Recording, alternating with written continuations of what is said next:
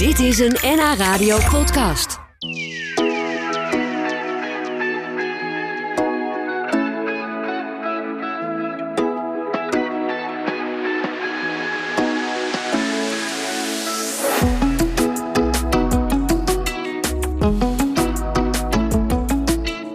21 maart. De lente is officieel begonnen. En dat is te merken, want de vogels die kwinkeleren erop los. De grutto's die zijn er weer. De nestkastjes van Beleefde Lente zitten weer vol. En daar ga ik over praten met Marieke Dijkman van de Vogelbescherming... en de webcam Beleefde Lente. Die spreken we zo via de telefoon. Maar ook met boswachter Chris Rost van Landschap Noord-Holland. Die is bij mij in de studio. En die maakt tegenwoordig een weidevogel-podcast... samen met zijn collega Hans Brinks. Wat leuk, een podcast over weidevogels. Jullie praten alleen maar over vogels. Of hoe moet ik dat zien?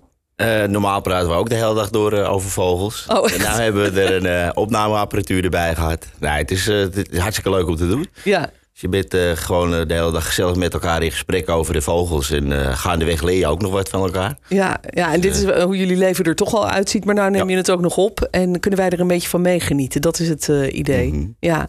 En ik zei net, de lente is begonnen. De gutto's die zijn er weer. Dat hoorde ik van mijn collega Stefan Roest. Die altijd de natuur ingaat om vogels te filmen voor zijn programma.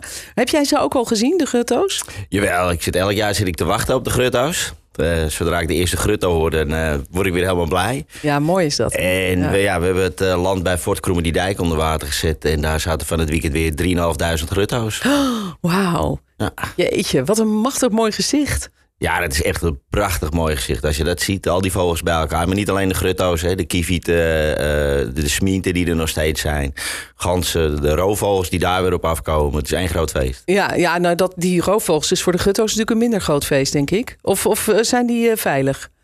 Nou, ze zitten met z'n allen bij elkaar. Hè, en eh, daarom lopen ze ook eh, bij de Plasdras. Daar ze, zijn ze in ieder geval veilig voor de grondpredatoren, de grondroofdieren. Ja, de vossen en zo, die kunnen Ja. er gewoon niet bij komen. Inderdaad. En de roofvogels, ja, als we met een hele grote groep zijn, dan hebben die roofvogels toch best wel moeilijk. Ja.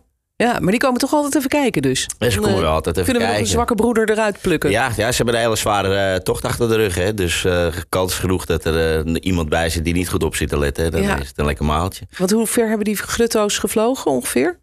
Ja, de meeste grutto's die komen of uit Midden-Afrika of uit Portugal komen ze vandaan. Dus pittig in het vliegen. Sommigen vliegen in één keer, sommigen vliegen, doen er wat langer over.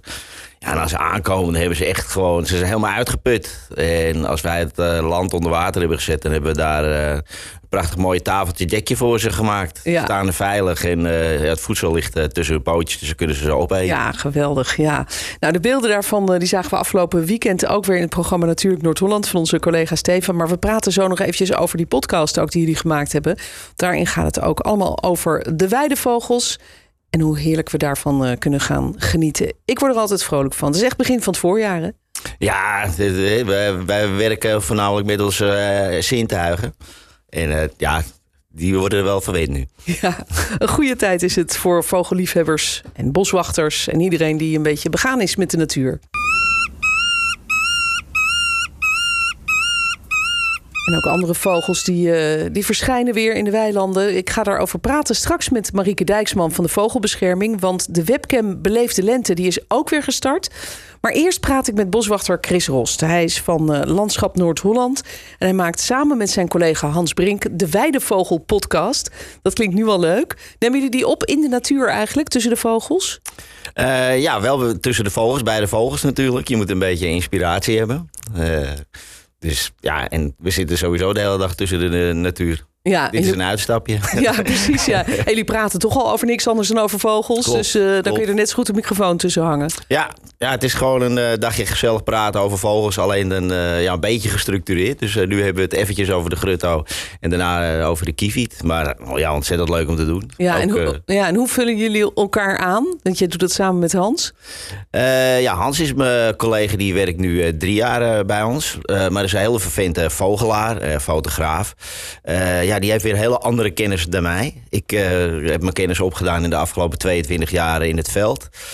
En ja, zo zijn we een mooie aanvulling. Ik eh, zie me een beetje als een soort van eh, leraar, zoals hij erover zit te vertellen. Ja, ja. Over, Dus wat hij heeft heel veel feitenkennis. Ja, feitenkennis, nummertjes, kleurtjes, dat soort dingen. Ja, we kunnen even een stukje laten horen uit jullie Weidevogel podcast. Onze nationale trots. De grutto is eigenlijk onze grootste weide, broedende weidevogel. In Nederland uh, op dit moment broeden zo'n uh, tussen de 25 en 30.000 uh, paar grutto's.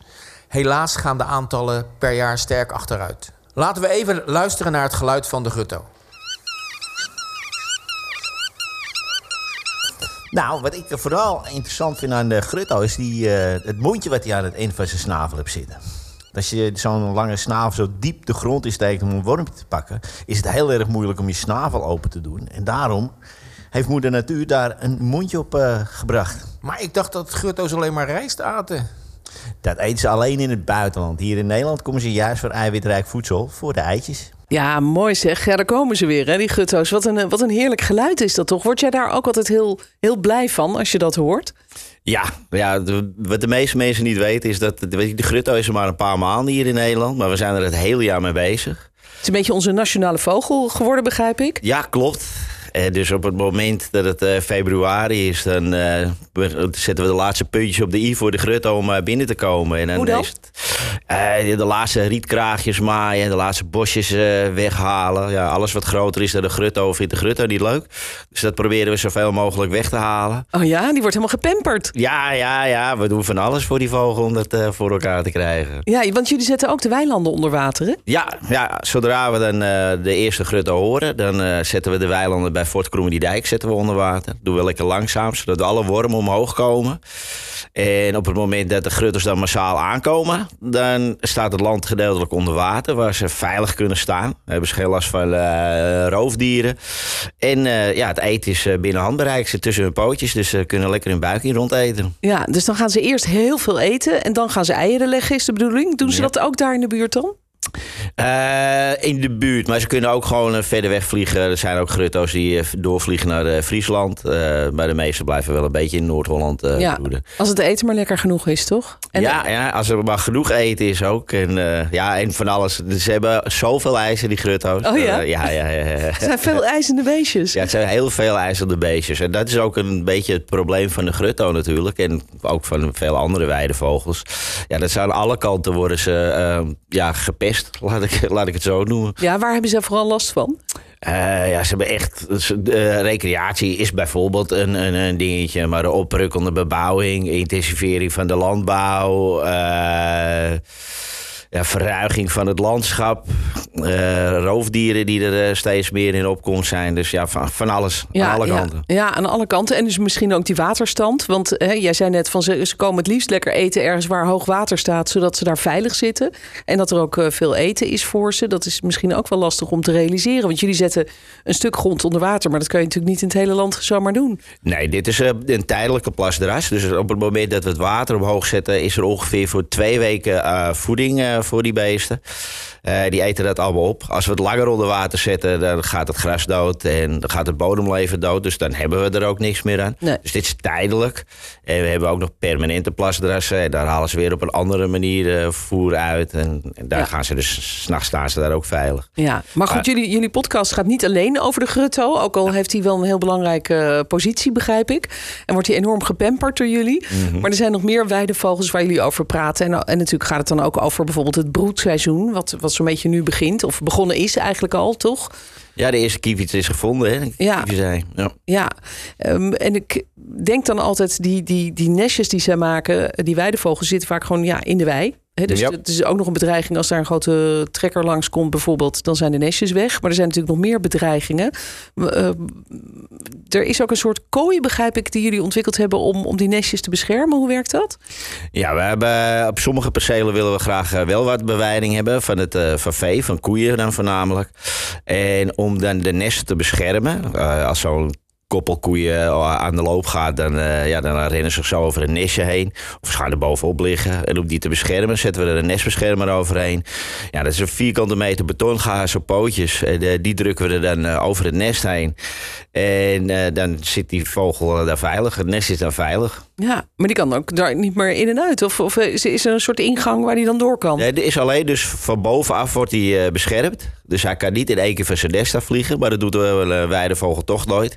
Die loopt eerst stiekem van zijn nest af. Om ze de locatie niet prijs te geven. Oh ja, Nou, dat doet hij op de terugweg ook weer. Dus hij heeft geen last van, de, van, de nest, van, de, van die nestbeschermer. Ja. Heb jij in al die jaren dat jij nu boswachter bent, want je, je werkt volgens mij al meer dan 20 jaar Ja, klopt, op dat 22, gebied, ja. 22 Ja. jaar. Heb jij het heel erg zien veranderen voor, voor die weidevogels? Je zei net, ze worden aan alle kanten bedreigd, maar dat is misschien al wel langer zo. Eh, dat ik begon, eh, zag je overal nog wel eh, weidevogels. Daar reed ik van eh, natuurgebied naar natuurgebied. En dan zag je eromheen ook nog grutto's. Je sprak andere mensen die vanuit andere gebieden kwamen... over hoeveel daar zit en hoeveel daar zit.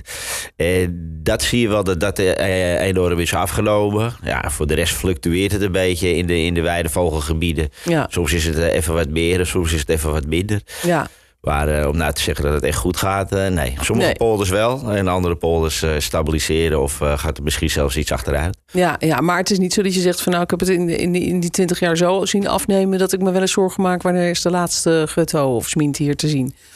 Nee, in onze natuurgebieden niet. Nee. Nee. Dat is goed nieuws voor iedereen die, die houdt van Ja. de vogeltjes, zoals jullie. Ik kan nog een klein stukje laten horen uit jullie podcast over de veldleeuwerik. Nou, dat, dat, vind ik, dat vind ik eigenlijk meer een zomervogel eigenlijk. Want die kun je in de zomer zo mooi horen zingen. Dan gaat hij zo heel hoog de lucht in. Toch hebben we, eerst, hebben we dit jaar eerst ve- veldleeuweriken gehoord en daarna pas de grutto's. Oh, echt? Ja. Nou, hoe is het mogelijk? Laten we even luisteren naar het prachtige zang van de veldleverik.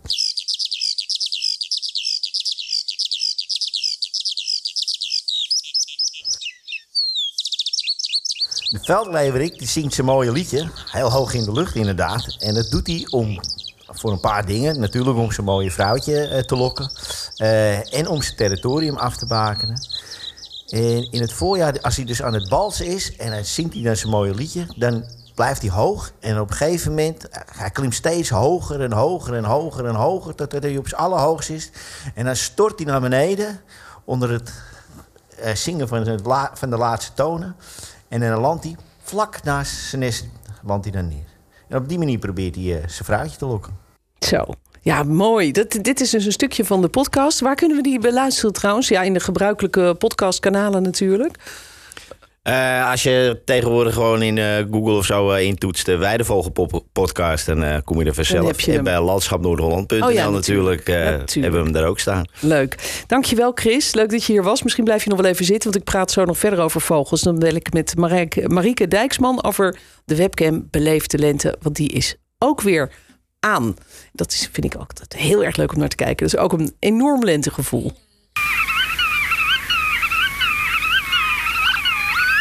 Dat zijn de grutto's, die zijn ook weer terug. Maar heb je nou geen zin om zelf op pad te gaan? Dan eh, kun je ook vanuit je luie stoel kijken naar vogels via de webcam van Beleef de Lente. En daar ga ik over praten met Marieke Dijksman van de Vogelbescherming. Goedemiddag Marieke.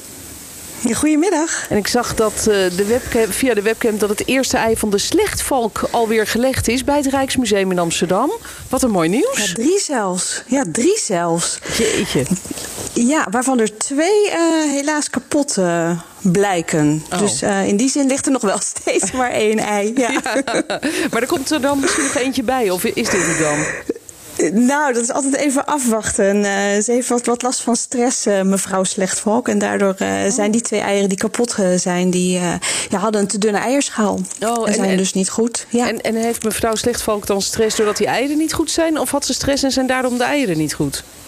Dat laatste. Of dat is dat kip of Als vrouwen natuurlijk eh, stress hebben, dan gaat het ook niet zo goed als je zwanger bent. En dat geldt voor, voor haar ook. Er zijn heel veel kapers op de kust. Hè, dus ze doet erg haar best om haar eigen nest te beschermen. Of dat haar man niet wordt ingepikt. Of dat er een ander vrouwtje komt. En daar, nou, ja, daar heeft ze last van. Oh. En eh, dus van die drie eieren zijn er twee niet goed. Nou, Oh, laten we hopen dat uit dat laatste ei eh, natuurlijk wel een prachtig kuiken tevoorschijn komt. Ja, maar ik vind het zo apart. Omdat je als, ik vind het al zo apart dat er een slechtvalk bij het Rijksmuseum aan het broeden is. Dat vind ik al bijzonder genoeg.